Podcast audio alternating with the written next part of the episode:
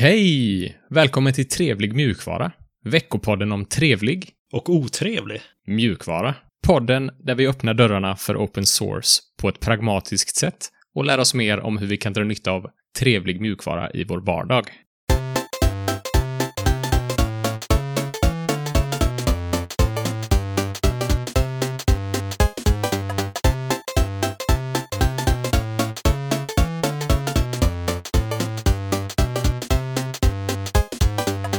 Hallå! Jag heter Sebastian och som vanligt har jag med mig Alex. Hallå, hallå. Tjena! Hur är läget? Ja, jag är ju sjuk igen då, tack vare barnen. Men nu kan jag sitta upp igen. Så då är det dags för podd. Bra. Ja. Prio nummer ett. Jajamän. Gott. Ja, vad ska vi snacka om idag då? Ja, det är ju som vanligt lite eh, otrevligheter, trevligheter, ett nytt segment, battle, utmaningar, lite feedback har vi också på slutet. Men eh, först så är det nyheter.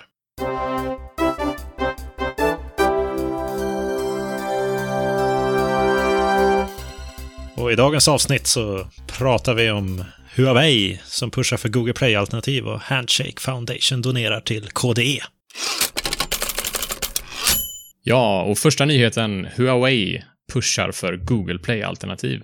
Och det är alltså Huawei som har släppt sin egen variant av Google Play, Google Play, Google Play, eh, storen. Eh, som, ja, App Store, Google Play och så har Huawei släppt sin egen variant nu då. Är det egna Google Play Services? Vad, vad blir det då? Huawei Play Services då? Eller? Ja, precis. Eh, de kallar det för Huawei Mobile Services, HMS. Aha. Ja, det där kommer väl i kölvattnet av att de inte fick göra affärer med Google där ett tag. Eller andra amerikanska bolag. Nej, precis. Är de fortfarande blockade i USA? Nej, det tror jag inte. Den bannen har släppt. De har ju åtminstone ett uppehåll i banen just nu. Ja, just det. Så detta är som deras eh, plan B, så att säga. Om de inte blir unbannade så ska de fortfarande kunna leverera appar. Ja, och det verkar ju som att de har jobbat på det här innan de blev bannade också. Så de har väl haft det som någon slags livrem ifall det skulle ske. Och så accelererades det arbetet nu då, när de blev bannade temporärt då. Det de säger är att den, det finns många fördelar med att eh, lägga ut och skriva sin app mot eh, deras sån här tjänst. I att det är mycket bättre integrationer mot API-er på Huawei-telefoner. Men jag skulle fortfarande vilja slå ett slag för PWA-appar som är webbappar. Som inte behöver någon sån här affär. Ingen Play Store, ingen App Store, ingen Huawei Store. Eh, för det blir ju lite silo-känsla i de här eh, App Storesen. Ja, men det är väl lite därför de inte pushar på PWA också, de här Google och Huawei. De vill behålla, Ja, de vill väl äga miljön liksom. just det, Men de här tjänsterna används väl även för eh, pushnotiser och allt möjligt. Ja, precis. Många, ja, många API-er på Huawei-telefonerna. Som push-API till exempel. Japp. Hur funkar det med PWA, med pushnotiser? Eh, ja, det API är exponerat eh, ut mot webben också. Så att eh, det går att göra med PWA-appar. Mhm. Sen är det, finns ju inte riktigt så många API-er exponerade som det gör i native-applikationer. Men eh, vi är snart där. Vi kommer närmare och närmare. Ja, man får väl hoppas på det. Det låter ju som ett mera cross-platform enabling alternativ. Handshake Foundation har varit ute på donationsrunda nu igen och donerar till eh, KDE. Handshake Foundation har ju donerat ganska mycket pengar till många andra Linux-aktörer. Till exempel har de donerat 2018 till Debian 300 000 dollar, GIMP 100 000, Free Software Foundation en miljon. Och de har ju donerat med sån här eh, kryptovaluta. Och så hittade jag någon siffra där som där Debian hävdar att eh, Handshake Foundation har gett ut totalt eh, 10 miljoner eh, dollar då till olika ja, open source eh, free software-aktörer under 2018. Men nu har de alltså gett KDE 300 000 ungefär motsvarande i kryptovaluta. Och det tycker jag är trevligt. Ja, häftigt. Vad är det för kryptovaluta de eh, väljer att använda? Det är eh, HNS coin som jag inte riktigt har koll på. 880 000 HNS coins som är ungefär 79 000 euro. Okej. Och de här Handshake är ju en lite mystisk foundation som jag inte heller har riktigt koll på, mer än att de dyker upp ibland i nyhetsflödena eftersom de donerar så mycket pengar. Men eh, de har väl haft lite tur med kryptovalutorna. Eh, De kanske var early adopters av bitcoin och så nu försöker de göra något som eh, gynnar allihopa med de pengarna. Snyggt. Ja, det var ju blandade och goda nyheter. Men nu är det dags för någonting inte riktigt lika trevligt.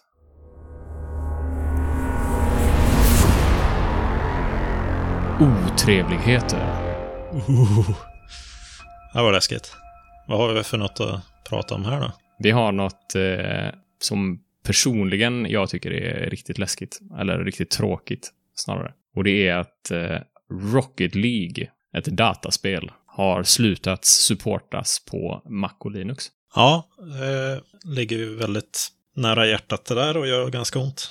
Helt klart. Verkligen. Och jag blir lite arg nästan. Det är riktigt tråkigt. Så kan Ja, jag inte göra. tycker, jag tycker med det. Vi har spelat det från och till i flera år. Och du har suttit på Linux hela tiden och jag har suttit på Windows och det har funkat flawlessly, måste jag säga. Mm. Nästan flawlessly. Men eh, inga, inga större problem, eh, åtminstone. Och nu så går de ut och meddelar alla att de ska sluta släppa uppdateringar för Mac och Linux och bara fokusera på Windows. Mm. Ja, det är inte bara att de slutar uppdatera Mac och Linux-klienterna, utan de kommer att skicka ut en sista uppdatering som stänger av online-stöd på Mac och Linux. Så att man bara kan spela med sig själv i Linux. Det tycker jag är... Man tar ju bort det som är roligt med spelet. Ja, de hade ju det som någon slags... Eh, ja, vi kommer sluta stödja Mac och Linux, eh, men du kan fortfarande spela single player i Rocket League. Ja. Det är ju... Tack. Jo. Sen hade de ju lite eh, anledningar kring det då. Orsaker som de tar upp. Det är väl bland annat att det inte är så stor player base på Linux och Mac. Eh, och att eh, de hävdar att den nyutveckling som krävs gör det ohållbart att även supporta de här nya, äh, andra plattformarna. Samtidigt så supportar de Rocket League på Windows 7 som nyligen har slutat supportas av Microsoft, vilket är lite lustigt. Det är lite lustigt. De supportar ju det också på Xbox och PS4 och Switch. Ja, det var lite det här jag oroade mig för när Epic köpte Rocket League. Att de skulle göra det här till någon slags, ja, tagg i ögat för andra plattformar än Windows. Han, den här Tim Sweeney, har ju lite svårt för Linux om man ska tolka hans tweets ibland. Bland annat har han ju jämfört att eh, installera Linux är ungefär detsamma som att flytta till Kanada för att man inte gillar det politiska klimatet i USA. Då tycker han att det är bättre att man stannar kvar i USA och försöker lösa problemet i det landet. Ja, det var en väldigt konstig liknelse. Det har kommit, ur, ur, en, kommit ut en del sådana konstiga grejer från honom, minst sagt. Ja, Och det är lite tråkigt.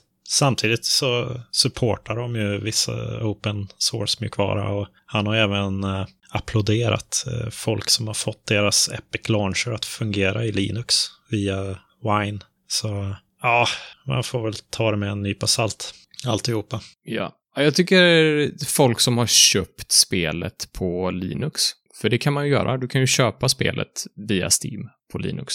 Mm.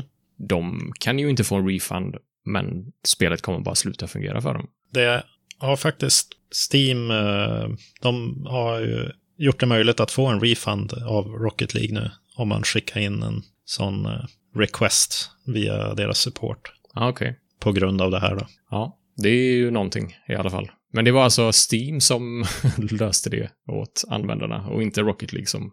Jag vet inte hur det funkar med politiken där bakom. Det är kanske de som har sagt att det är okej att folk får tillbaka pengarna. Ja.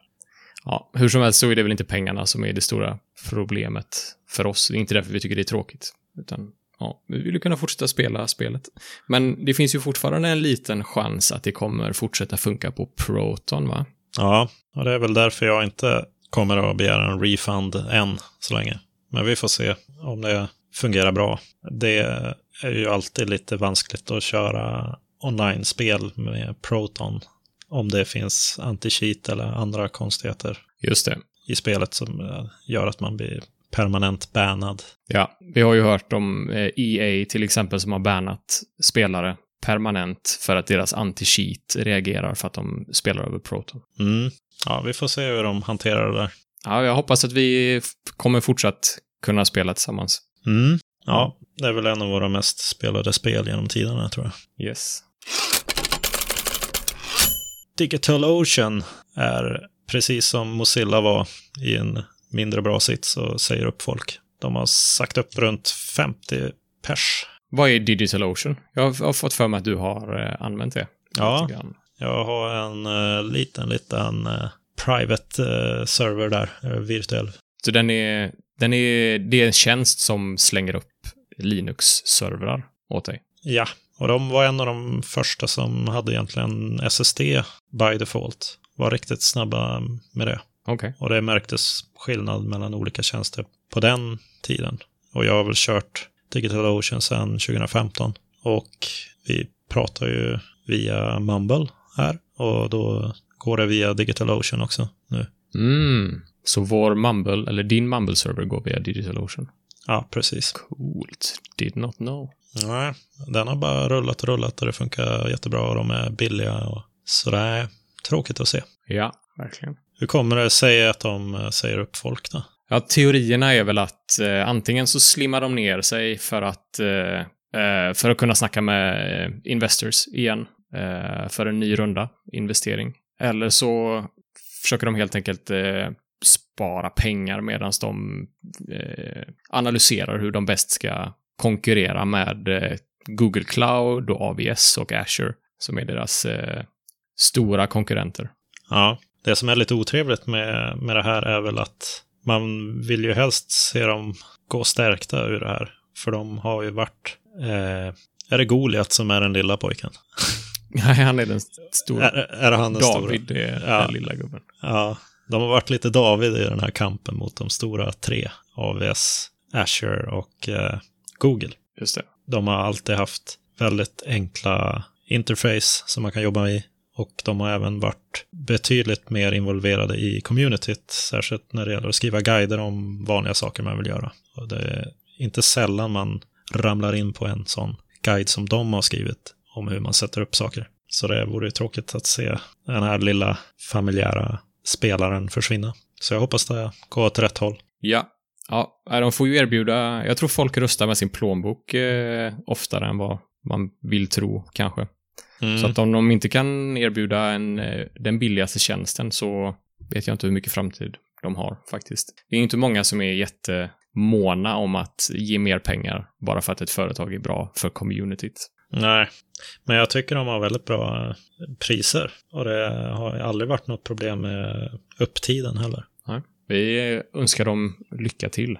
Ja, verkligen. Men det här var ju riktigt otrevliga saker så jag tycker det är dags att ta oss in på någonting mycket, mycket trevligare kanske.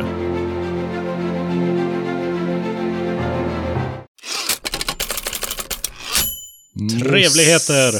Ja, precis. Och första, eh, den, ja, trevligheten vi har denna veckan är Mozillas Common Voice. Ja, och det är jag Vad som har lagt in den. Ja. Mozillas Common Voice är en slags crowdsourcad datamängd. det är ett crowdsourcat dataset, Ja. kan man kalla det kanske.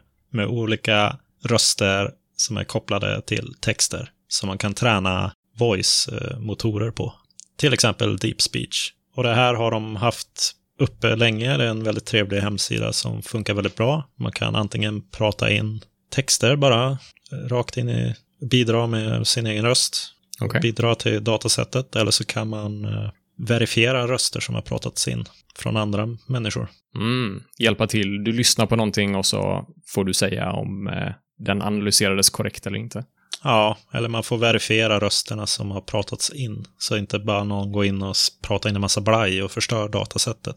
Okej. Så alla, alla de här datasätten har verifierade data, helt enkelt, med exempel röster. En av de stora utmaningarna med att bygga en lokal eh, speech to text eller text to speech är ju att det det saknas datasätt att träna modellerna på. Just det. Och så här har de ju löst det då med att crowdsourca det och låta alla hjälpas åt frivilligt. Och eh, nu finns det även ett datasätt på svenska, har funnits ett tag. Det skiljer lite i storlek mot den engelska. Den engelska, det engelska datasättet är på, 38 gig eh, står det här. ja, den engelska är på 38 gigabyte och den svenska är på 153 megabyte.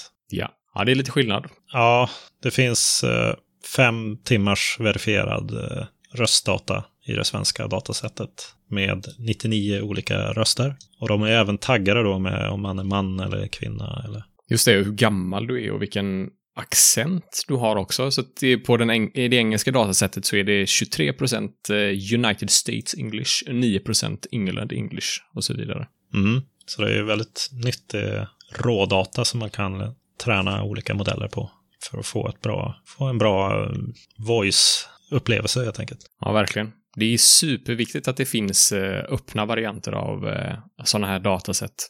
För jag kan tänka mig att Google har med YouTube en sån jäkla fördel när det kommer till att träna, Mm.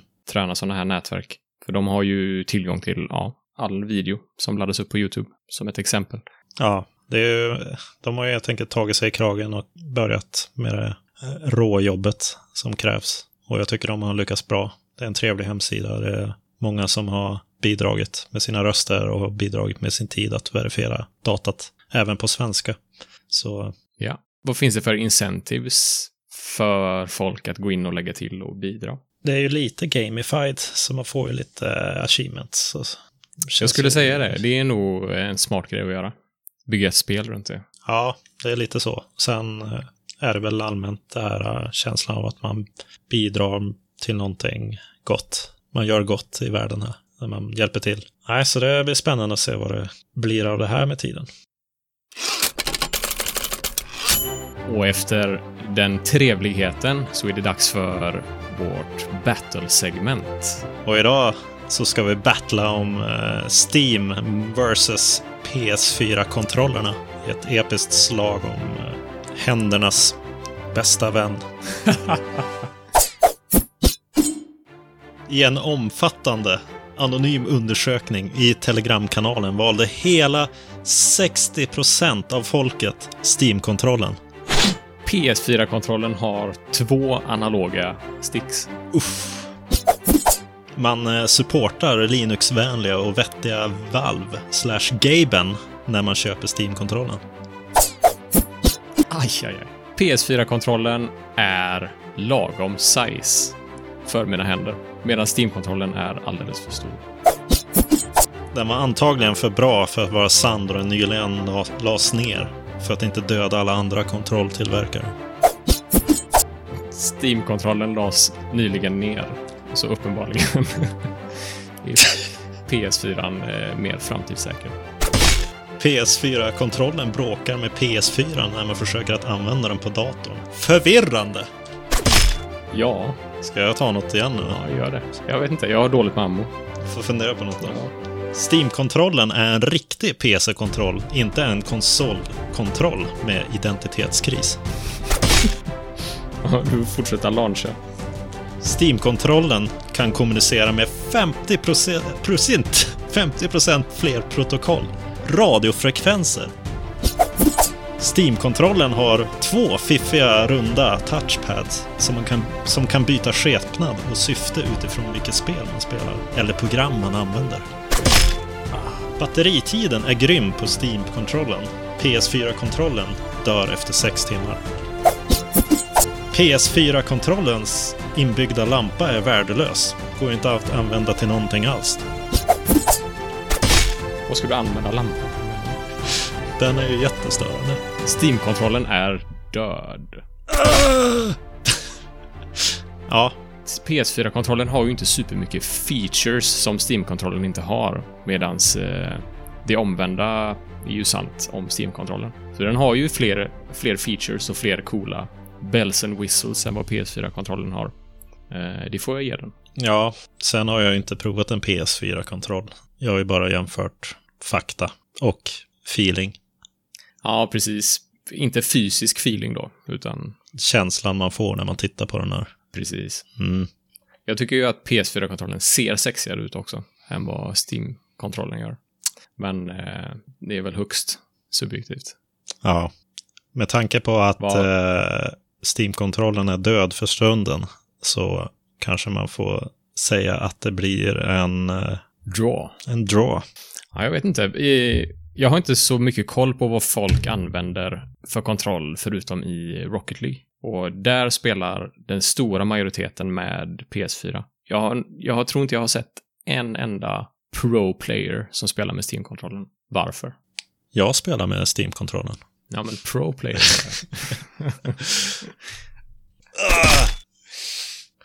Ja. Nej, det var väl inte tänkt att någon skulle gå vinnandes ur den här striden kanske. Nej, det handlar väl väldigt mycket om personlig preferens, skulle jag säga, när det kommer till kontroller. Ja, Så länge man kan eh, styra med dem och klicka på knappar så får man väl välja vilken man tycker är skönast att hålla i. ja. Ja, let's agree to agree då. Yes. Utmaningar. Och idag kan jag ju faktiskt ge en liten update på min eh, Pine Phone. Den är troligen i Sverige enligt den här tracking-sidan jag har fått. Den eh, har åkt från Kina och så har den någon gång hamnat i Schweiz. Och nu är den mellan Schweiz och Sverige på, på något flygplan. Så jag skulle nog säga att den är här nu. Exciting. Mm, Då i nästa avsnitt så blir det någon slags unboxing. ja, då har du unboxat den helt enkelt. Troligen. jajamän. Spännande. Ja. Och du har ju faktiskt varit lite spontan den här veckan. Ja, jag har installerat eh, Linux på min dator. Vad blev det för något? Det blev Elementary OS, som är mitt första Linux-test på många, många år. Du har lite funderingar där, har jag förstått. Ja, jag följde ju guiden på Elementary OS om hur man installerar den. Så att jag sitter ju på Windows på min dator på min ena hårddisk och så installerade jag Elementary OS på min andra hårddisk med hjälp av en USB-sticka. Det var supersmidigt att installera, inga problem alls. Men eh, sen när man har installerat Elementary OS så vill man ju ha sina applikationer och eh, göra lite inställningar och sådär. Och då stötte jag på lite konstigheter. Och jag har ju varit lite i kontakt med dig också. Och du har fått hjälpa mig med vissa grejer. Det var lite problem med Nvidia-drivrutinerna. Ja, jag misstänker att det var ett av de konstigare problemen jag hade i början med det. Så att eh, allting såg jättebra ut, superbra upplösning. Eh, refresh-raten på min monitor funkade hur bra som helst. Så att det verkade ju som att jag hade drivrutiner till mitt grafikkort. Men jag hade lite märkligt beteende i eh, gränssnittet i operativsystemet där knappar inte ville funka ibland. Eh, jag kunde inte logga ut eller starta om datorn med hjälp av knapparna, till exempel. Ja, det låter ju väldigt problematiskt. Ja, verkligen. Och jag hade inte direkt kopplat det till grafikdrivrutiner, om jag ska vara helt ärlig. Utan jag trodde att det var någonting, ja, jag trodde det var något helt annat. Men sen tipsade du om att installera Nvidia-drivrutinerna manuellt. Och efter det gjordes så har jag inte haft de här problemen längre. Så jag får ju bara anta att eh, det var lösningen på de problemen då. Det som hände var väl att du körde Elementary med de öppna drivrutinerna som är lite reverse-engineerade Nvidia-drivrutiner som kallas Nouveau, eller Nouveau. Och de eh, fungerar, eh, eller Nvidia själva har i princip sagt att de är bra för att installera de riktiga drivrutinerna med. Ja, okej. Så som Internet Explorer är bra för att installera Firefox med. Nvidia har ju fått mycket kritik från Linux-världen och de har krånglat till det väldigt mycket. Det är inte så många distributioner som eh, skeppar Nvidia-drivrutiner by default. Man ska egentligen be om tillåtelse från en Nvidia. Vissa distributioner gör det ändå och Ubuntu har alldeles nyligen fått O- OK från Nvidia att skeppa Nvidia-drivrutiner. Men de är ju inte open source utan de är ju, det är ju stängd mjukvara. Till skillnad från eh, AMD som är i princip inbakade i kärnan i Linux nu. Men ja, det har alltid varit ett, eh, en liten varningsflagg när man installerar Linux. Att tänk på att om du har en, en Nvidia, om du har ett Nvidia graf, grafikkort så får du vara med på att du kanske måste installera de eh, drivrutinerna som Nvidia har byggt själva. Ja. Ja, i slutändan var ju inte det något problem alls. Utan eh, det var ju inte svårt att installera dem. Nästa sak som jag reagerade över var hur, inte hur svårt det är att installera, men på hur många olika sätt man kan installera applikationer Mm. på Linux. Jag försökte, jag installerade massa applikationer. Eh, Spotify, VS Code, Steam och det ena och det andra. Och eh, under den perioden så stötte jag på kanske fem eller sex olika pakethanterare och minst lika många flaggor som man är tvungen att peta in när man ska installera via eh, sin terminal. Och det förvirrade mig lite grann. Vad är skillnaden på apt-get och apt och snap och flatpak och cargo? Ja, använder du inte någon, de har ju någon App Store har jag för mig. Och så har de en App Store, precis. På App Storen så finns ju bara en bråkdel av eh, allting som jag, som jag letar efter. Jag tror att deras App Store innehåller extra lite saker dessutom. För att de vill curata vad som... eh, Så att det bara dyker upp saker som passar bra i Elementary där. Aha, jag förstår. Jo, lite den känslan fick jag också. Så de allra flesta grejer fick jag... Ja, så jag gjorde för att installera någonting var ju, jag googlade på install VS Code on Linux, eller on Ubuntu, Mm. googlade jag nog på. Eftersom Elementary OS bygger på Ubuntu. Ja, Så, och då fick man ju någon liten guide oftast med tre, fyra steg där man fick pasta in massa saker i sin terminal som man inte riktigt vet vad de betyder ofta. Mm. Och sen eh, så dök en liten ikon upp i min, ja, min app drawer, så att säga. ja. Apt-get och apt, det är ju egentligen samma sak. Man pratar liksom med distributionens grundläggande pakethanterare. Så den apt-get är ju något som försvinner mer och mer för att apt gör typ samma sak, men är kortare att skriva. Okej. Snap och Flatpak är en ny slags pakethantering som är mer isolerad från eh, distributionen.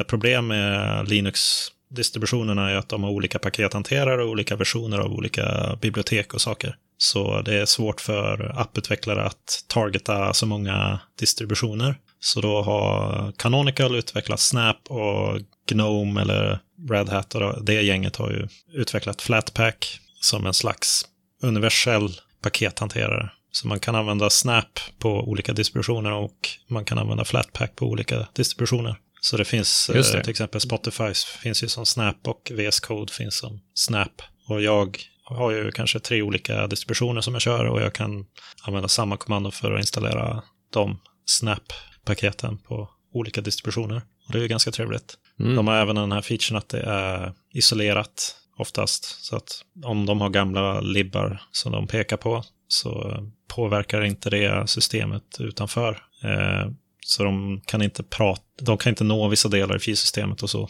som vanliga appar kanske kan. Utan så det är lite mer containerized och säkrare. Jag fick lite känslan av att när man installerar någonting med apt så måste man också installera dependencies ofta. Mm.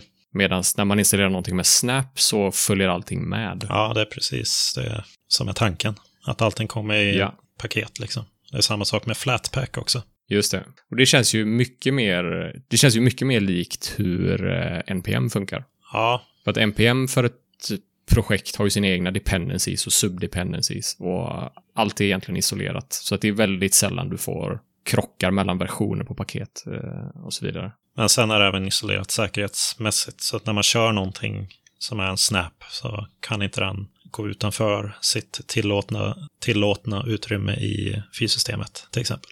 Okej. När du ska installera någonting och du vet namnet på det, som Spotify till exempel, Mm. chansar du och skriver sudo snap Spotify, sudo snap install Spotify? Eller googlar du alltid på hur man installerar ett program? Eh, nej, jag kollar väl först om det finns som Snap. För att Snap och Flatpak, de är mer uppdaterade än de här paketen som ligger i apt till exempel. Okej. För de apt-paketen är ju beroende av att hela distributionen har en viss version av alla bibliotek och grejer. Medan Mm. eh, Snap och Flatpak brukar vara nyare versioner. Eller de senaste versionerna av allt. Och i alla fall i Snap-fallet så auto-uppdaterar de sig i bakgrunden. Just det. Det är coolt. Sen nämnde du Cargo också. Just det. Och som jag förstår det så är Cargo en eh, Rust. Har jag rätt i det? Ja, En Rust eh, ja, Så det är för specifika applikationer som är skrivna i Rust då, helt enkelt. Ja. Använder man Cargo för. Ja, jag har nog inte installerat någonting med Cargo dock. Så jag vet inte vad du stötte på för något specialare. det, var, det var en terminalbaserad Spotify-klient ah. som jag ville installera. Och den fick man installera med Cargo. Mm. Det är ju, ja. Mm. Men eh, om man verkligen Det är vill... lite eh, avancerat. Ja, det är lite avancerat. Men om du ska ha eh, caset där eh, farmor Berit, 80 år, ska installera någonting från App Store Ja. så startar hon ju den här Store-applikationen då i distributionen. Det brukar vara Gnome Software eller Discover som är på Plasma. Och då Ja. sourcar de paketen dels från Snap och, och Flatpak och apt. Aha, så det är en unified eh, sökfunktion. Ja, så då när man installerar till exempel Spotify, eller man söker efter Spotify, om den inte finns i app där eller, eller Flatpak så kanske den hittar det i Snap. Så då är det bara ett klick bort att installera det. Jag vet inte hur eh, Elementaries eh, Store fungerar på den fronten tyvärr. Nej, det var inte... Jag fick, jag fick nästan inte träff på någonting. De har ju sina egna varianter av, eh, du vet, Docs och Word och den typen av eh, grejer. Jaha. Och så något litet spel och jag vet inte. Eh, Hälften av grejerna kostar pengar också. Jag vet inte, den kändes inte alls bra. Men hade jag haft ett annat distro då så hade jag haft en bättre upplevelse i eh, den inbyggda App Store. Ja, jag tror inte du hade haft samma issues med att installera eller att ens hitta de programmen du vill ha. Just det. Sen hade du lite frågor om flaggor och grejer med Classic och No Install Recommends och Y och... Ja, precis. Alltså, mitt issue är väl egentligen att jag får en, en guide på fem steg Ja. där jag ska pasta in massa saker i terminalen och jag har ingen aning om vad grejerna betyder. Och det är ju okunskap från min sida såklart. Men jag skulle ändå vilja påstå att jag är ganska teknisk. Men det var bara överväldigande mycket Mm. Konstiga grejer tyckte jag. Ja, eh, just den där Classic hör väl till Snap. Och jag har för mig Visual Studio Code kräver att man har den där Classic-flaggan. Just det, det stämmer, det var därifrån. Och den eh, sticker ut lite med det för att när man slår på den där Classic-flaggan så har den inte samma säkerhetsisolering, eh, så att säga. Mm. Innan, Och det är för att VS Code kräver att den inte får vara helt isolerad kanske. och det här No Install Recommends är väl att man skippar paket som är rekommenderade att installera när man apt-installar någonting. Bindestreck Y är bara att du inte ska behöva trycka Y eller verifiera att ja, jag vill installera. Utan då görs det bara, kör den bara vidare. Ja, smidigt. Så vissa mer obskyra grejer som jag försökte installera krävde att man skulle curla ett repo. Mm. Och jag tror curl är typ download bara i princip från terminalen, right? Ja. Och så då fick man ner eh, ett repo och sen var man tvungen att köra eh, repot med någon slags exekvera det, bygga det och sen exekvera det med lite kommandon. Mm. Men i detta, i detta liksom applikationer som inte är lika officiella och slipade som de som ligger på Snap Store till exempel.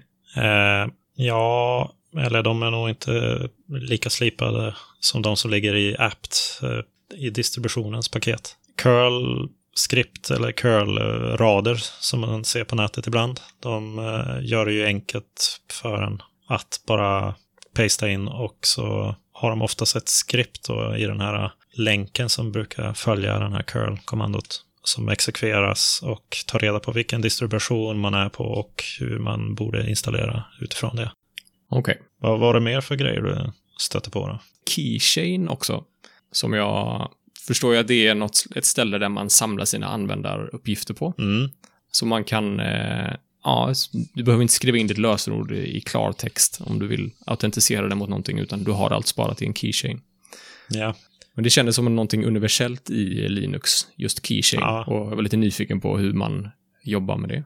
Yes. Keychain är ju någon slags virtuell eh, nyckelknippa, kan man väl kalla det. Där man sparar alla sina loginuppgifter till olika tjänster. Ja, och det finns ju liknande i, det, på Mac finns det ju eh, Keychain, jag tror till och med den heter Keychain. Och i, både i Chrome och i Firefox finns ju inbyggda Keychains också. Jag antar att det är samma sak. Men eh, som sagt, Elementary vet jag inte vad de har för frontend, men det finns i Plasma som jag kör så finns det K-Wallet. Och sen i Gnome som är en av de större finns det Gnome Keyring. Och båda de har grafiskt gränssnitt som man kan jobba med, helt enkelt. Så du startar ett program på din dator och så kommer du åt din keychain. Jag hittade inget sånt i Elementary OS. Det kan vara för att jag är dålig på att leta, men... Eh... Det känns som en sån där sak som de kanske gömmer med mening. Mm. De eh, försöker ju hålla handen lite grann om där. Just det. Ja, det kanske inte var riktigt rätt distroval av mig, men, eh, men det är ändå intressant. Vi valde, eller vi pratade ju om att du skulle testa den för att eh, UX-bitarna kanske var lite mer på plats där. Om man bortser ja. från att det var lite jobbigt att tweaka och hacka och få det precis som du hade, hade tänkt dig. Hur var det? Kändes det som att det var polerat i övrigt? Ja, det gjorde det väl, antar jag. Inte mer än Windows, skulle jag definitivt inte säga. Windows är mer polerat än Elementary OS. Jag känner att jag är många som inte håller med mig om det här. Men, eh, ah, Elementary OS kanske är mer polerat då. Jag vet inte, sådana konstiga saker som att de inte har en minimize-knapp till exempel. Det har ju inget med polish att göra egentligen, men... Ja, men de har en vision, vet du. Jo, precis. De har en vision och håller man inte med om den så är nog Elementary OS fel distro för dig. Nej, jag, har undvikit Elementary av en anledning. Ja, ja jag kan eh, förstå det nu. Yes. Eh, jag hade en liten sista teknisk fråga. Så jag gillade jättemycket att sitta i terminalen superkraftfull. Eh, och jag upptäckte ju att jag kan skriva Firefox i terminalen och så startar Firefox. Så du kan starta program via terminalen. Eh, men när jag gjorde det så stängde Firefox ner sig när jag stängde ner terminalsessionen. Finns det någon cool flagga man kan lägga till efter Firefox som löskopplar den från terminalen? Det är ju ett och-tecken efteråt. Ja, ah, okej. Okay. Inte mellanslag och, utan bara... Nej, mellanslag och tecken. Mellanslag och, okej. Okay. Yes. Har du några daemons som du har startat? Det... Vet du vad en daemon är? Nej, det får du förklara. jag vet knappt vad en daemon är själv, men en daemon är någonting som eh, en process som ligger och kör som inte kräver någon user input. Så den har inget grafiskt gränssnitt, men den ligger och eh, servar någon slags funktionalitet i bakgrunden. Så förstår jag det. Inte, jo, alltså jag har ju mitt uh, audioskript som startar den här ljudmotorn i bakgrunden. Okay. Och även en del grafiska applikationer för att styra mixer och sånt. Men eh, ja, det har jag väl. Okej, okay. hur startar du de damonsarna? De har jag lagt in som en... Eh, I Plasma kan man sätta in eh, skript eller binärer som ska startas när man loggar in. Och ah. pekar bara på dem så körs de. Det är det jag vill ha också. Ja. Okej. Okay. Vi får se. Vad är du sugen på att prova härnäst då? ja, Plasma. Ja, kanske. Ja. Spännande. Då får vi se vilken bas det blir i sådana fall. Om det blir någon cutting edge eh, arch eller om du ska köra bara stabila kubuntu eller någonting.